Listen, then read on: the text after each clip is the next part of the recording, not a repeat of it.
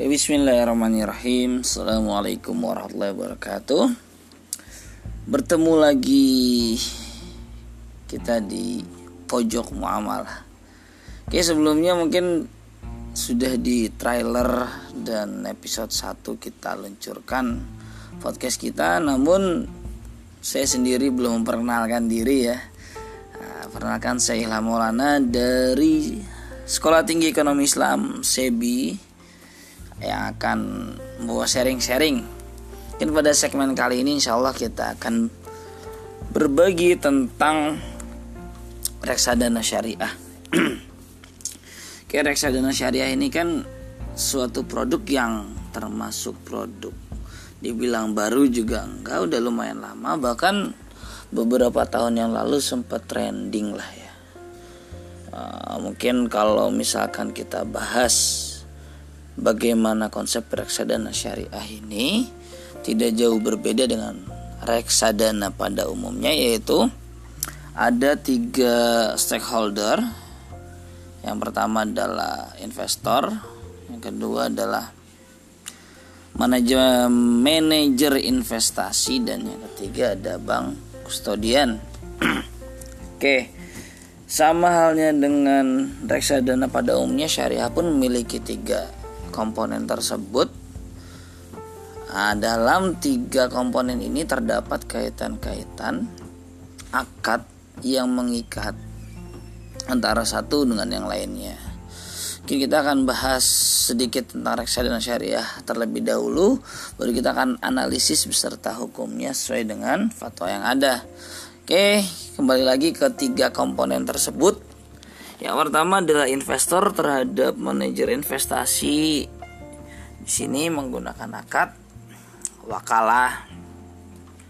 Wakalah ya. Kemudian dari manajer investasi terhadap pelaku investasi atau ya dalam hal ini mungkin efek ya di bursa efek akadnya adalah mudoroba nah begitulah yang terjadi antara tiga komponen ini oh bagaimana bang kustodian bang kustodian itu semacam jasa di mana bang kustodian menyediakan jasa pengumpulan kolektif dana-dana dari para investor yang nantinya akan dikelola oleh manajer investasi. Oke, oke. Sampai sini insya Allah kita akan bahas lebih dalam lagi tentang reksadana syariah. Nah, boleh nggak sih reksadana syariah ini? Ya tentunya boleh. Namanya juga reksadana syariah, ada syariahnya gitu. Hal-hal yang akhirnya diberi embel-embel kata syariah, insya Allah sudah diperbolehkan Mengapa? Karena sudah ada bahasannya dan kali ini pun di produk reksadana syariah ini ada fatwa yang bawahinya yaitu fatwa DSN UI nomor 20. Oke. Kita akan bahas dari beberapa poin. Poin yang pertama adalah karakteristik reksadana syariah. Nah, karakteristik reksadana syariah ini kan sama seperti reksadana pada umumnya yaitu mudah investasi. Mengapa? Karena investasi yang kita lakukan dikelola oleh manajer investasi yang tentunya lebih berpengalaman daripada kita. Sehingga ya kita tidak perlu eh, repot-repot uh, melihat atau memantengi uh, investasi yang kita tanam pada saham atau semacamnya. Karena sudah ada yang mengelola yaitu adalah manajer investasi.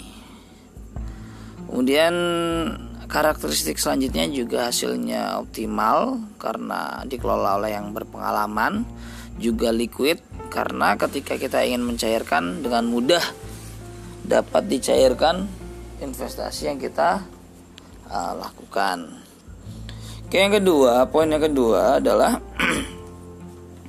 modal yang akan diinvestasikan dalam usaha harus sesuai dengan usaha-usaha yang syariah. Artinya bagaimana? Artinya yaitu ketika kita menginvestasikan kemudian kita menulis tertulis pada prospektus di mana menjadi acuan utama manajer investasi untuk mengelola dana yang kita berikan. Nah, dana yang kita berikan ini ditanamkan pada usaha-usaha yang bersifat syariah, tidak boleh mengandung unsur maghrib.